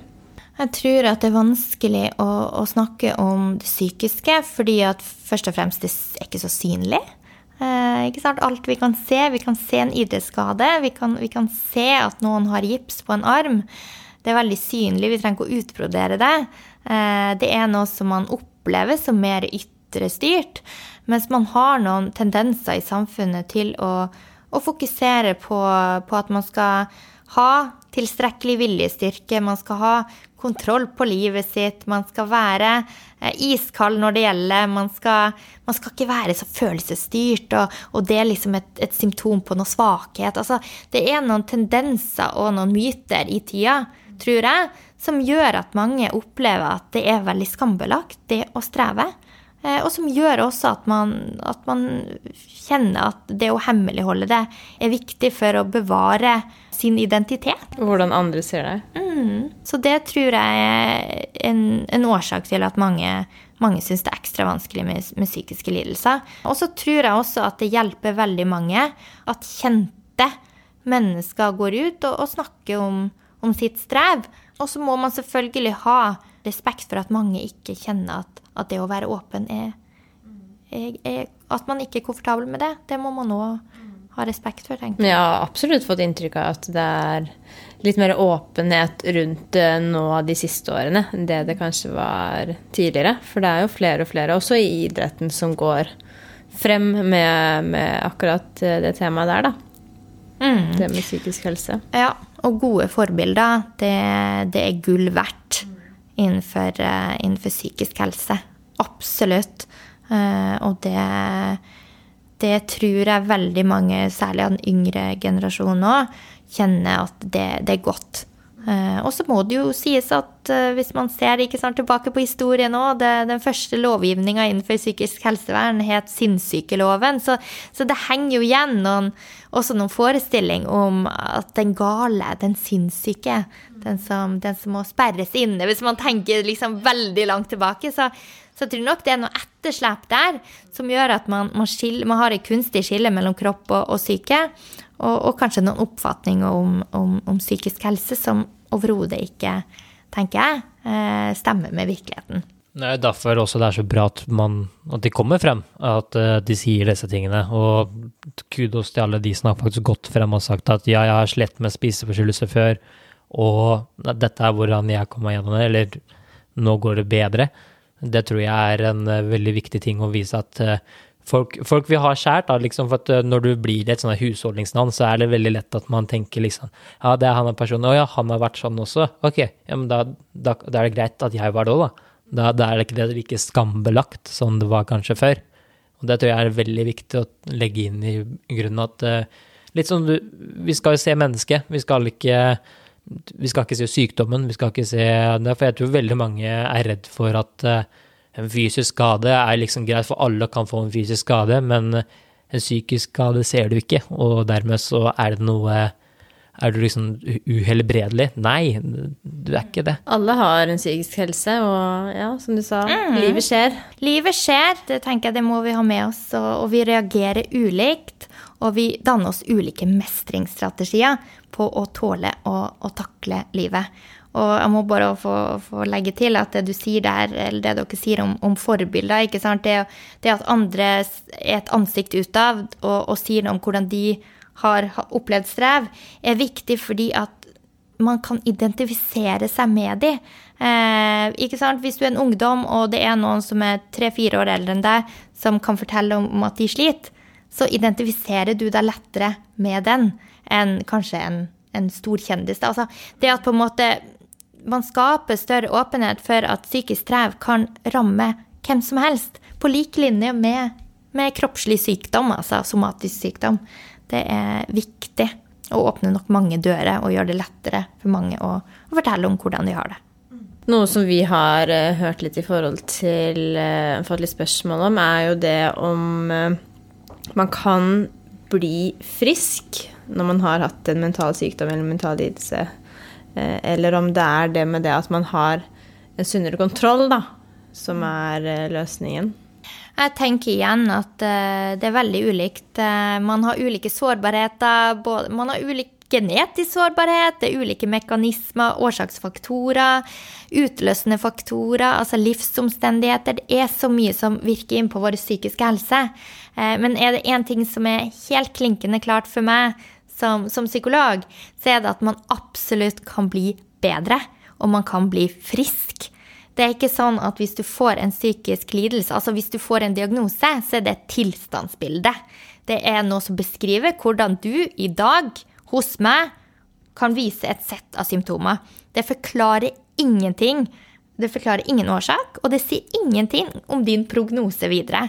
Eh, og det kan være sånn at etter en måned eller ett år eller tre år, så fyller ikke du de diagnosekriteriene. Så det er absolutt eh, mulighet eh, for å bli frisk. Vi har vel vært litt inne på det, men er det noen sånne tips som man, du gir, eller som man kan gi i forhold til det å slutte med en dårlig vane eller en tvangstanke? Det, Ikke så at det er en sånn skikkelig psykisk greie, men kanskje mm. bare sånn en eller annen tvangstanke, sånn som jeg tolker det i hvert fall. Altså hvis det er på en måte en litt sånn uh, tvangsmessig rituale som, som, du har, som ikke på en måte skaper sånn store vansker i dagliglivet, så vil jeg jo si at det å eksponere seg for, for den, det man er redd for For ofte så har man jo noen tanker som, som ligger til grunn for at man gjør noe, et ritual, en tvang. Eh, eksponere seg, tåle det, stå i det. Ja, det er forferdelig, men du må stå i det til hjernen klarer å avlære seg det. Fordi at det som gjelder for tvang, er jo at man, man ofte gjør noe for å redusere angsten, spenningen som oppstår. Og når man gjør det, så reduseres den. Og når man da kutter og gjøre det tvangsmessig, så er det klart man må kjenne på den indre uroen. Men etter hvert, jo flere ganger man klarer å kutte det, jo mindre uro vil du kjenne. For kroppen lærer at ja, men det var jo ikke så farlig. Og må lære å stå i det. Men det er klart at omfattende tvang Eh, der har vi veldig gode behandlinger. Eh, jeg skal ikke gå inn på det nå, men, men hvis du opplever at du sliter med At det tvang, begrenser livet ditt, at det begrenser livet ditt, så søk hjelp. Eh, For der er det veldig gode behandlingsintervensjoner. Man skal ikke være så basically, man skal ikke være redd for å, å bare møte litt frykten. Nei, for det er tanker som vi har. Eh, og vi må motbevise de tankene. Og det gjør vi gjennom er å erfare at det skjedde jo ikke. Men det er litt det samme når man tenker på trening også. Det er det å møte ubehaget, og da møte litt på de valgene man tar i hverdagen, og se, se litt innom Å ja, jeg gjør faktisk det, så kanskje Eller hvis man er eksempel, sånn som jeg, var jo veldig redd for hunder før. Så fikk jeg flere venner som fikk hunder, så plutselig var jeg ikke noe redd lenger. Ikke sant? Altså det er sånn som med, med trening, da, så kan det være veldig tungt og hardt i starten fordi kroppen ikke er vant til trening. Men så skjønner kroppen tilpasser seg. At det er faktisk bra da, at man blir sterkere og mer robust til å takle ting i hverdagen. Og ja, det er generelt som er målet med treningen, uansett hva det er. Da, om det er prestasjon eller om det er å ha en funksjonell kropp. Da. Du har motstand som jobber litt imot, da, men etter hvert, når du begynner å gå over haugen, da, så begynner det å bli lettere å finne stien. Du får gjentatte erfaringer av at du får til. Så du får på en måte motbevist noen av de katastrofetankene du kanskje har, og, det, og den frykten som, som du har. Og, og det er klart, det vil kunne også senke jeg tenker hvis vi, hvis vi går tilbake til det eksempelet med tvang. Det er klart at Hvis du har en indre uro, en enorm spenning, så vil du gjøre alt for å redusere det. Men gjennom å faktisk stå i den spenninga over tid og oppleve at hei, det gikk faktisk bra å ikke utføre den tvangshandlingen, så vil det også gå ned etter hvert. Eh, Det, man vil sensitivisere seg, rett og slett. eh, Men det er tungt å stå i. Det er derfor jeg ofte, eller som, det er derfor jeg sier at man skal søke behandling hvis det er noe som begrenser deg. Men det er klart at um, fobiske tilstander, altså det å ha en hundefobi, det å da få gjentatte erfaringer med at oi, men hunder biter ikke, og hunder kan være snill. Å få gjentatte erfaringer med det kan jo i seg sjøl medføre at da er man plutselig kvitt den fobien. Det var ikke så skummelt på treningssenteret likevel heller. Nemlig, nemlig. Vi har vel kanskje vært litt inne på det. Vi kan jo diskutere det alle sammen. Hvordan ikke sammenligne seg med andre negativt med tanke på kropp og prestasjoner. For det er jo noe man hører om alle gjør, og det er noe som du også nevnte tidligere, som har kommet mer og mer, tror jeg, i forhold til det at um, sosiale medier og alt fokuset rundt prestasjon og kropp, da. Jeg tenker jo igjen at det å forsøke så langt det lar seg gjøre, å fokusere på hva kroppen din får til ikke sant? Går du en fjelltur, står du oppå en fjelltopp, så kjenn etter herlighet. Det er min kropp som har fått meg opp de her eh, steinhyllene. Det, det er min kropp som har klart det her. Eh, en sliten eh, en sliten, utmagra, avmagra kropp klarer kanskje ikke det. Eh, en kropp som er sterk, vil klare å være utholden på jobb. Vil klare å holde konsentrasjon og utholdenheten oppe til å løse vanskelige problemstillinger eh, i utdannelsen eller som møter dem i hverdagen. Altså, den på en måte den, den kapitalen man tar med seg da, fra, fra trening og det å være fysisk aktiv, den får noen ringvirkning i livet som gjør at du får mest sannsynlig bedre livskvalitet. Um, men det er klart at det er et stort spørsmål som, som mange syns er vanskelig, nettopp fordi at vi sammenligner oss naturlig nok med andre. Vi er flokkdyr. Eh, vi måler oss med eh, særlig de rundt oss, eh, og sammenligner oss. Og det hjelper ikke selvfølgelig at media også er veldig fokusert på å fremheve idealer som, som er tilnærmest det sykelige av og til. Og så er det jo det med at eh, den former seg ut fra hva du gjør. Da. Vi har jo vært inne på det i en eh, episode tidligere også. At du finner noe du liker, og så former kroppen seg etter det. Da. Enten det er å gå på fjellet eller sykle eller det som betyr noe for deg, da, som gir deg glede. Så, så kommer kroppen etter. Og ikke ha fokus på det med kropp, men at du, hvordan du har det inni hodet på veien, da, er det, det som er det viktigste, tenker jeg, da. Ja, og så tror jeg også veldig godt at du kan også tenke deg at du har faktisk større kontroll over de sosiale mediene enn du tror. Fordi ja, ja, du kan ikke styre hva andre legger ut, men du kan styre hva du ser. For eh, hvis du merker at du får en eh, At du blir påvirka, og du faktisk legger inn den innsikten Jeg har flere ganger eh, Dette er et veldig godt, eh, til, eh, et veldig godt tiltak jeg har gjort med YouTube. Jeg er veldig glad i å se på noen YouTube-kanaler, og noen ganger så går det vel, noen ganger så går det litt for mye brød varmt på å se på noen visse gamingvideoer og lignende. Men det jeg gjør da, over en periode så fjerner jeg eh, de fra at jeg vil ikke se dette mer, og da lærer på en måte den algoritmen seg at Ole skal ikke ha disse videoene lenger. Og da går, det en liten, eh, da går det en veldig lang stund før det begynner å få det opp igjen. Da. Og det kan du også gjøre med bilder på Instagram, det kan du også gjøre med bilder på Facebook. Du kan til og med velge hvilke, fil, hvilke, hvilke bilder du kan ta, eller hvilke innlegg du har lyst til å ha, komme opp først. Så hvis du heller har lyst til å ha uh, bilder av katter istedenfor uh, bilder av kropper, så kan du faktisk få det til. Uh, og det er, en, det er en sånn veldig fin ting, da, for da får du mindre påvirkningskraft av det også. Og du kan på en måte redusere litt mer den der kanskje angsten, rett og slett, for du blir alltid påminna konstant over de der u, nærmest sykelige kroppsidealene, da. Det tenker jeg er en, et veldig sånn konkret tiltak. Absolutt. Og, og, selvfølgelig at man kan være litt mer selektiv i, i hvem man følger på sosiale medier òg.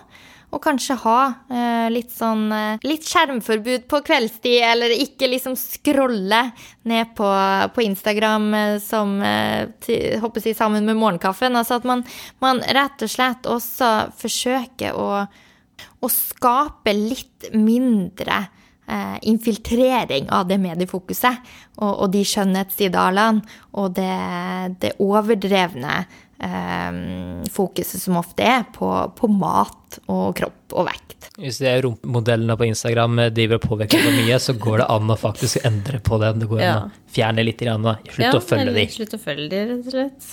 Det her er ganske interessant. For hvis man er en kostholdsveileder, da, eh, som eh, får en henvendelse fra en som virker å ha symptomer på spiseforstyrrelser. Bør man ta det, eller bør man henvise videre? Hva tenker du? Jeg tenker at igjen, man må snakke med vedkommende. Eh, og si noe om det man kanskje observerer. Eh, og sånn sett gå i dialog med vedkommende om hva man skal gjøre videre.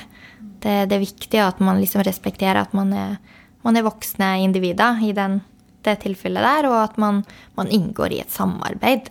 Og jeg tenker jo at det er ingenting i veien for at en ernæringsveileder og ja, en psykolog kan samarbeide. Um, men at man rett og slett eh, ikke avviser personen, men, men, heller hjelper vedkommende i kontakter med kanskje behandlingsapparatet. Ja. Og ikke være redd for å trekke inn fagpersoner. Mm. Hvis det, man kom, føler at man kommer litt uh, til kort. Det får man bare igjen for, altså. Det ja, og hvis du føler du har vann over hodet, så skal du ja. garantert få mer kunnskap inn. Ikke begi deg ut på ting du ikke har uh, peiling på. Hva hvis vi snur det litt, da? Uh, og så er det en som har hatt spiseforstyrrelser, som skal fungere som en kostholdsveileder for andre. Eh, vil det da, når man er frisk selv, vil det da være fortsatt det at man kontrollerer andre som vil være et fokus? Hvis du skjønner hva jeg mener? At det liksom Nå er jeg ferdig, men nå skal jeg kontrollere din mat. Jeg tror nok at mange kan få en, en interesse gjennom å ha en spiseforstyrrelse, men, men at også spiseforstyrrelsen kan være utløst av en kanskje overdreven interesse av, av mat, og, og da hva gjerne si, ja- og nei-mat, og at man blir veldig opptatt av uh, næringsgrupper og inkludering og ekskludering. At man på en måte blir veldig overdreven matinteressert. Og at det på sikt, når man da får, uh, får bearbeida og jobba med spiseforstyrrelsen og blir eh, erklært frisk, at, at, det på sikt kan bli en, en interesse som, som, er i balanse med resten av livet ditt. og da tror ikke jeg at, eh, at, det å hjelpe andre med kostholdet blir noen sånn form for uh, Hva jeg skal si utløp for din egen spiseforstyrrelse. Det, det, tror jeg ikke. Men igjen, mennesker er forskjellige, så, så kanskje er det noen som, som kan oppleve det. Men, men, jeg tror heller at man får et, en bevissthet, bevissthet, at man får en høyna bevissthet om at noen kan slite med nettopp spiseforstyrrelser, og at man kanskje er mer observant da, i å fange opp et sånt mønster hos, hos sine kunder. Kjenner seg igjen lettere, da. Det kan være litt positivt mm -hmm. faktisk også. Ja, ja. Du kan, snu, du kan snu det til noe positivt også, og det tenker jeg egentlig man kan gjøre med alle, alle dine negative erfaringer også, eller dine hardships, da. Uh, ting har vært, uh, som har vært jævlig for deg, og hvis du har klart å jobbe deg gjennom det, og du nå kan se tilbake på det, og ja, det var derfor jeg gjorde sånn og sånn, da tror jeg at du kan se tilbake på andre, så kan du si sånn herre jeg skjønner deg. Jeg skjønner deg veldig godt. Og da kommer vi hjem på det med å se mennesket. For da ser du det mye lettere. Uten tvil. Det, det, er noe som man må ha med seg hele veien. Det å, å se mennesket og se forbi atferd og se forbi det synlige. Når de får en spiseforstyrrelse, er det mestringsfølelse de opplever ved så strengt regime, selv om de vet at det er usunt, og at det er en destruktiv atferd? For noen kan det jo være mestring i det å kunne eh, ha, en, altså, ha, en, sånn opplevd kontroll av kroppen. Hvis man ikke sant, opplever at man ikke eh, klarer å, å, mestre utdannelsen, jobb, man klarer ikke å kanskje å, å, mestre andre aspekter i livet, så kan jo det å oppleve at ok, jeg klarer å, å ta en kontroll over maten, jeg klarer å kontrollere vekta mi, det kan jo gi en, en form for falsk mestringsfølelse. Altså en, en mestring eh, der og da. Men, men, det er veldig individuelt. For mange så vil jo ikke det være tilfellet. Det kan heller være for mange at det, det, det, ligger en trygghet i å ha ritualer. Det ligger en trygghet i å kontrollere maten. Eh, fordi at det demper et indre uro, det demper noe, noe indre støy, noe følelsesmessig kaos. Eh, du kan unngå kanskje tunge følelser. Eh, det kan være en, en måte å, å, å, mestre eller å døyve. Altså det er mange ulike mekanismer. Men for noen så kan det absolutt være eh, ligge mestringsopplevelse i det å kunne ta kontroll og, og, se noen synbare endringer. Tilbake til det med ungdom, da. I den alderen dere jobber i, var det fra 13 til 22? Ja. Så skjer det jo ganske mye med kroppen. Hvordan jobber dere med å normalisere de individuelle forskjellene som eh, skjer da? For det kan man jo kjenne på kanskje er litt urettferdig da, i forhold til prestasjon i ja. den alderen der. Absolutt. Og pubertetsutvikling er jo Altså, tidlig pubertet er jo faktisk en, en risikofaktor eh, for spiseforstyrrelser hos jenter. Nettopp fordi at det er helt naturlig at man legger mer på seg. Eh, man får en større andel fett. Eh, og for mange så oppleves jo det som veldig vanskelig. Eh, fordi at det ligger ofte noen premisser innenfor noen idretter og noen, noen myter om at eh, jo, jo, lavere vekt, jo bedre prestasjon. Så for mange så kan jo det bli en, også en trigger for en spiseforstyrrelse, det med, med tidlig pubertet. Eh, og når det er sagt, så, så, er vi jo forskjellige der, ikke sant. Noen eh, legger mer på seg. Eh, noen er genetisk utstyrt eh, som litt større, og noen er mindre, og vi er veldig forskjellige der. Men det er klart at når du er ungdom, så, så, sammenligner du deg, og du er veldig sensitiv eh, for de kroppsidealene der ute. Så, så den, den, perioden av livet er vanskelig for mange. Også eh, fordi at det er mange hormonelle endringer, fordi at eh, følelseslivet vårt er veldig turbulent ofte, og vi har mindre av den kontrollspaken som voksne har, og det ser man jo, ikke sant. Den, den frontale delen av hjernen er ikke utvikla, eh, samtidig som følelseslivet er overstimulert i den fasen. Så da kan man jo på en måte tenke seg sjøl at hvis man ikke har noe som overstyrer litt, og som kan tenke litt rasjonelt og, og være en problemløser, så, så er det lett at man man, eh, man, tyr til noen strategier, mestringsstrategier, som, som er destruktive og som er usunne, eh, og som går ut på at man, man tar da mer kontroll over, over kropp og, og mat, og, og eh, utvikle en spiseforstyrrelse. Er det, man, er det, noe man, kan gjøre for å normalisere det og få det til å forstå at det er en del av det å vokse opp? Da? Fordi noen kan jo oppleve det at eh, prestasjonen kanskje blir litt dårligere i den perioden, da, når, man, når ting begynner å komme. Men så vil det jo Eh, kroppen tilpasse seg den kroppen man har fått ja. også, etter hvert. ikke ja. sant? Og så kan prestasjonene begynne å komme igjen. Ja. Jeg tror det er viktig å, å legge vekt på det her i, i undervisninga. Eh, normalisere det at puberteten kan utarte seg forskjellig. Og, og, det med å stagnere litt innenfor idretten sin, det er helt vanlig normalt. Og ikke sant, det man også ser altså hos, hos utøvere, kvinnelige utøvere, er jo det at uh, the female athlete triad, altså det med å få uh, menstruasjonsforstyrrelser, uh, er veldig vanlig hos mange. rett og slett fordi at man ikke får nok nærings i håper jeg, altså Det blir en, en, en følgekonsekvens av at man får et turbulent og vanskelig forhold til mat. Og det vil jo igjen selvfølgelig kunne påvirke eh, skjelettet og, og, og prestasjon da, i idretten. Så, så, det er klart det er viktig å heve kompetansen på dette feltet. Det er viktig å bevisstgjøre de som jobber rundt ungdommene. Det er viktig å bevisstgjøre foreldre og ungdommene sjøl. For det er jo ikke alle som har som du sier, et støtteapparat sånn som toppidretten har. Men eh, man kan jo også som foreldre og kanskje lærere også øke den kunnskapen hos eh, de barna man omgir seg rundt. da. Absolutt. Jeg tror det er mye man kan bidra med der. Eh, og det er forebyggende.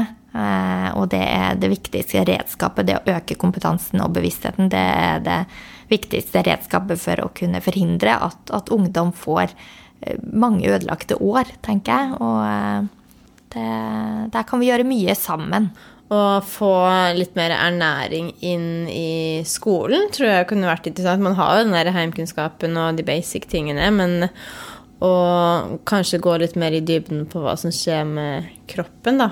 Hvis ikke man gjør det og det i forhold til ernæring, da. Det tror jeg er kjempenyttig, fordi at mange kan jo oppleve at man får vansker, og så, og så vet man egentlig ikke helt ja, men hva er det jeg skal få i meg.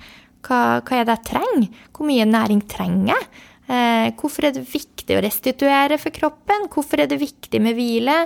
Hvorfor er det viktig å ha nok fett? Altså, jeg tenker vi, Ungdom må også vite hva som, som trengs, da. Hva, hva vi trenger av byggeklosser. Og det er minst like viktig å gi dem den kunnskapen som det er å advare mot, mot det som kan gå feil da, og skeis. Eh, og det er jo derfor vi har også de her foredragene, eh, Spis smart, eh, som er næringsvis. Fordi det er sånne foredrag som ungdommer selv kan se på? Ja, da er det rett og slett ernæringsfysiologer som drar ut til skolen og har foredrag og workshop, og hvor de også pleier å, å lage mat sammen. Så det er jo å spre den, den matgleden og og, eh, og få liksom ungdommene til å, til å, fatte interesse for sunn og næringsrik mat som er balansert. Og ikke noe fokus på ja- og nei-mat eller restriksjoner eller, eller, den slags kontrollering av maten. Snarere tvert imot eh, balanse og nok næring og smarte byggeklosser og, og, det som trengs for at en utøver skal utvikle seg på best mulig måte. Mm. Både psykisk og fysisk. Hva er det når man legger opp noe med ja- og nei-mat? Hvordan er det det kan påvirke hodet? Altså, det er jo det vi på en måte ser nå, eh, særlig de siste årene, at det har vært et veldig sånn fokus på ulike dietter. Eh, det har det jo for så vidt vært i en lang tid, det. Men, men at det er i større grad fokus på alt det man skal unngå unngå ultraprosessert mat. Eh, man skal spise kanskje råkost i en periode, og så er det en ny diett hvor man skal faste i to dager og spise normalt resten av uka.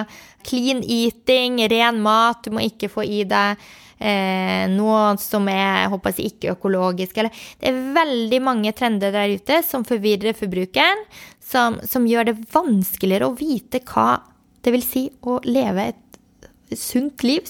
Eh, å ha et eh, normalt kosthold. Det blir liksom en jungel av veldig mye forskjellig.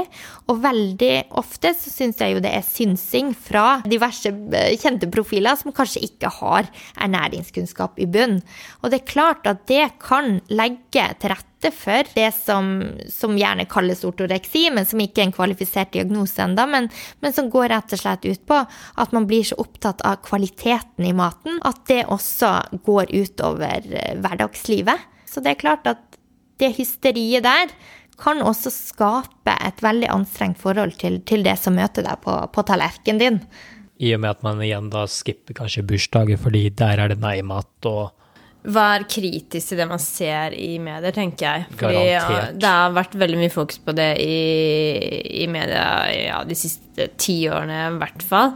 Og hva man skal unngå, hva man skal gjøre for å gå ned i fett. Og Dette her går jo sykluser Hva man skal spise, hva man skal ikke spise. Fordi det er clickbates, ikke sant. Men uh, ofte så går man kanskje ikke inn på artik artikkelen engang, opplever jeg som trener i hvert fall. At det liksom Ja, jeg leste at jeg ikke skulle spise det, så nå har jeg sluttet å spise det.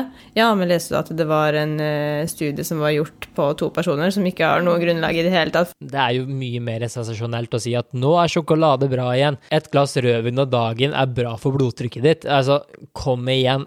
Jeg vet ikke med f.eks. spiseforstyrrelser, da, så er det kanskje ikke alltid det man fokuserer så veldig mye på. Det er altfor mye journalisme.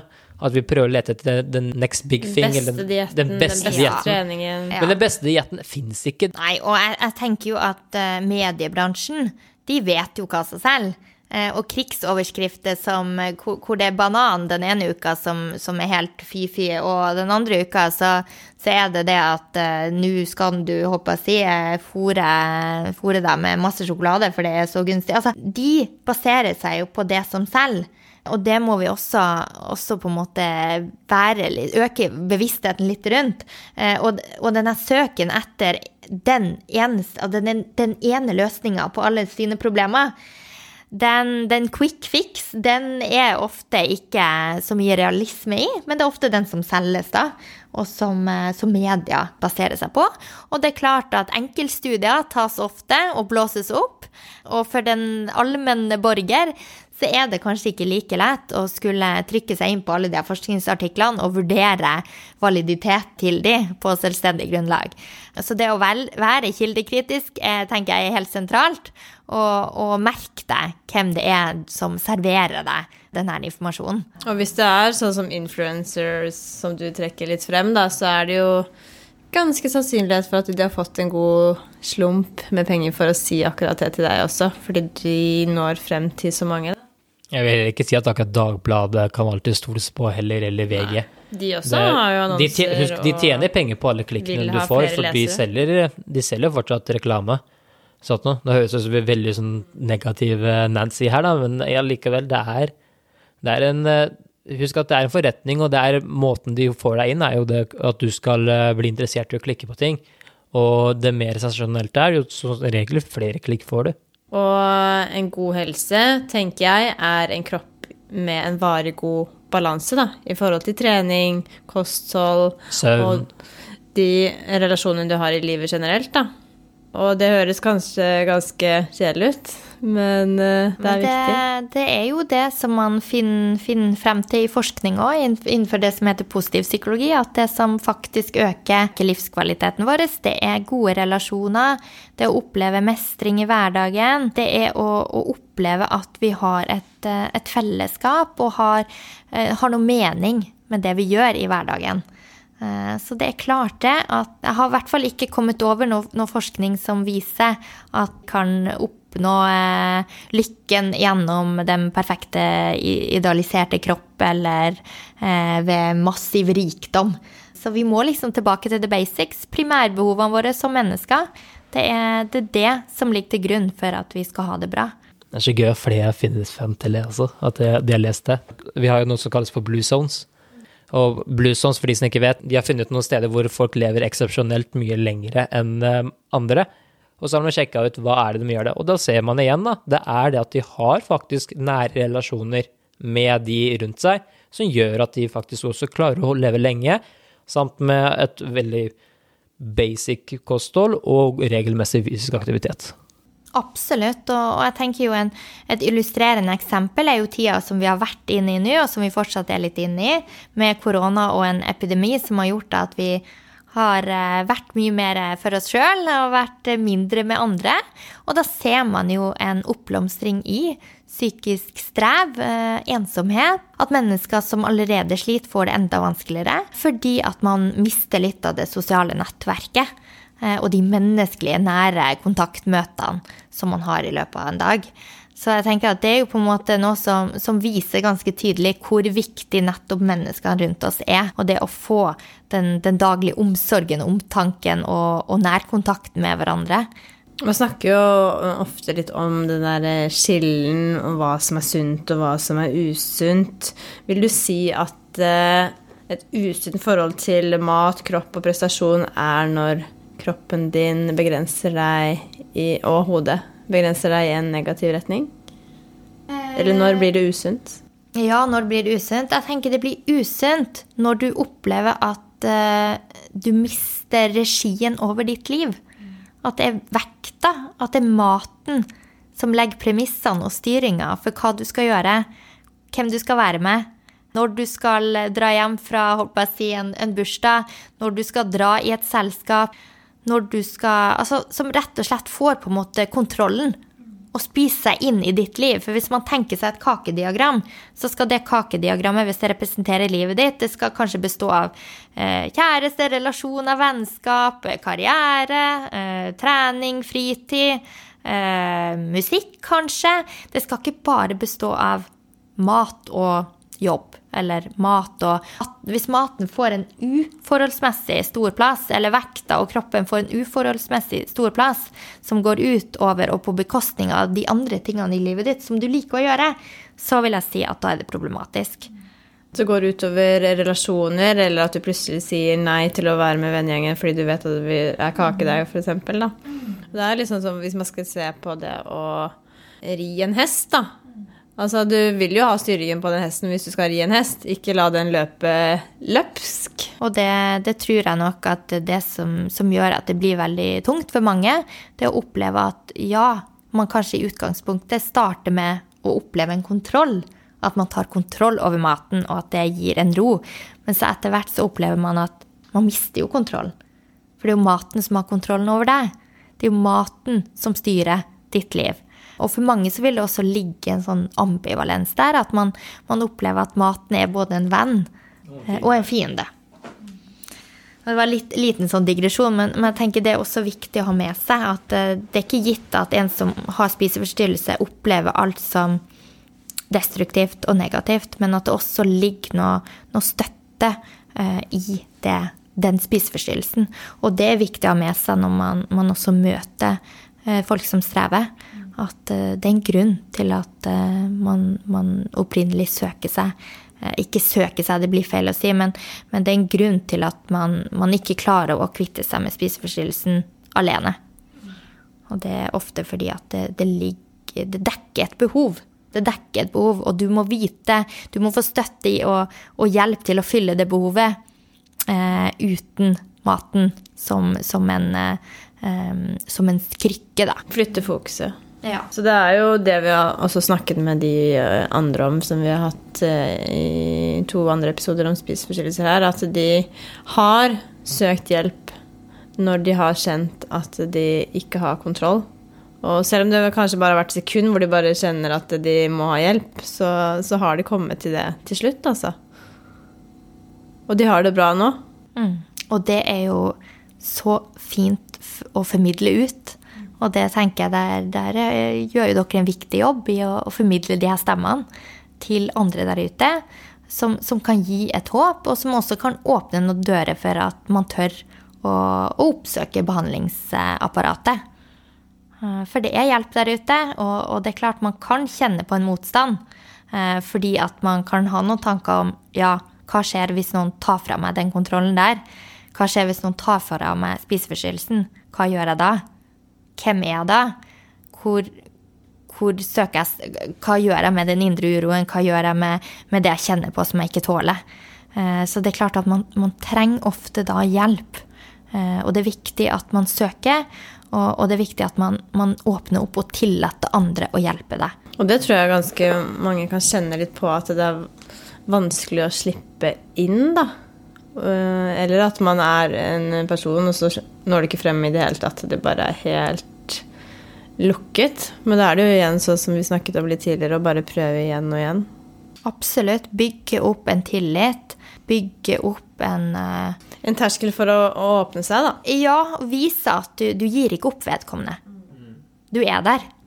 Og så du tåler. Du tåler å bli møtt med, med motstand. Du tåler det. Du står i det fordi at du bryr deg om vedkommende. Så tror jeg, hvis man eh, lytter på det her og kjenner at man har et problem, så tror jeg at eh, du helt sikkert har noen i din nærhet som kanskje har allerede spurt, eller som du føler deg nær, som du kan åpne deg for. Og hvis du ikke har det, så fins det mange steder hvor man kan søke hjelp også. Absolutt, og det finnes jo både selvfølgelig det å kunne gå til primærhelsetjenesten, oppsøke fastlege, men også det, Det er mange nettsider der ute som er Begynn kjempe... med en chat til Sunn idrett, for Ja, sunn idrett. Eh, ROS, altså rådgivning for spiseforstyrrelser. SPISFO har også, det er Spiseforstyrrelsesforeninga. Det er mange eh, nyttige aktører der ute som, som, tilbyr gratis rådgivning og støtte, og også veiledning i, i hvordan man skal komme i kontakt med et behandlingsapparat. Så ikke nøl med å, å bruke de ressursene der ute. Men også det i forhold til at man er Hvis man er forelder eller, eh, eller trener også, at de også kan bruke de tjenestene. Tusen takk, Helena, for at vi kunne få lov til å komme til deg, lage litt kaos og lage deg i studio. Det, du jobber jo for uh, Sunn idrett, og vi lurer litt på er det noen spesielle steder hvis man har lyst til å kontakte og få litt mer informasjon, hvor, hvordan gjør man det? Klikk deg inn på sunnidrett.no, så vil du finne alt av informasjon som du trenger for å komme i kontakt med oss. Uh, og der er det også videre informasjon om chat-linja vår og bekymringstelefon, som også er da daglig, som er åpen på daglig basis. Så det skal være lett. Og vi er òg på Instagram og Facebook, mm. så det skal være lett å, å, finne oss. Spennende. Vi kommer til å legge jo det ned i linker under, så det blir lett å få tak i. Og da gjenstår det bare én ting å si. Lykke, Lykke til med, med utviklingen. utviklingen.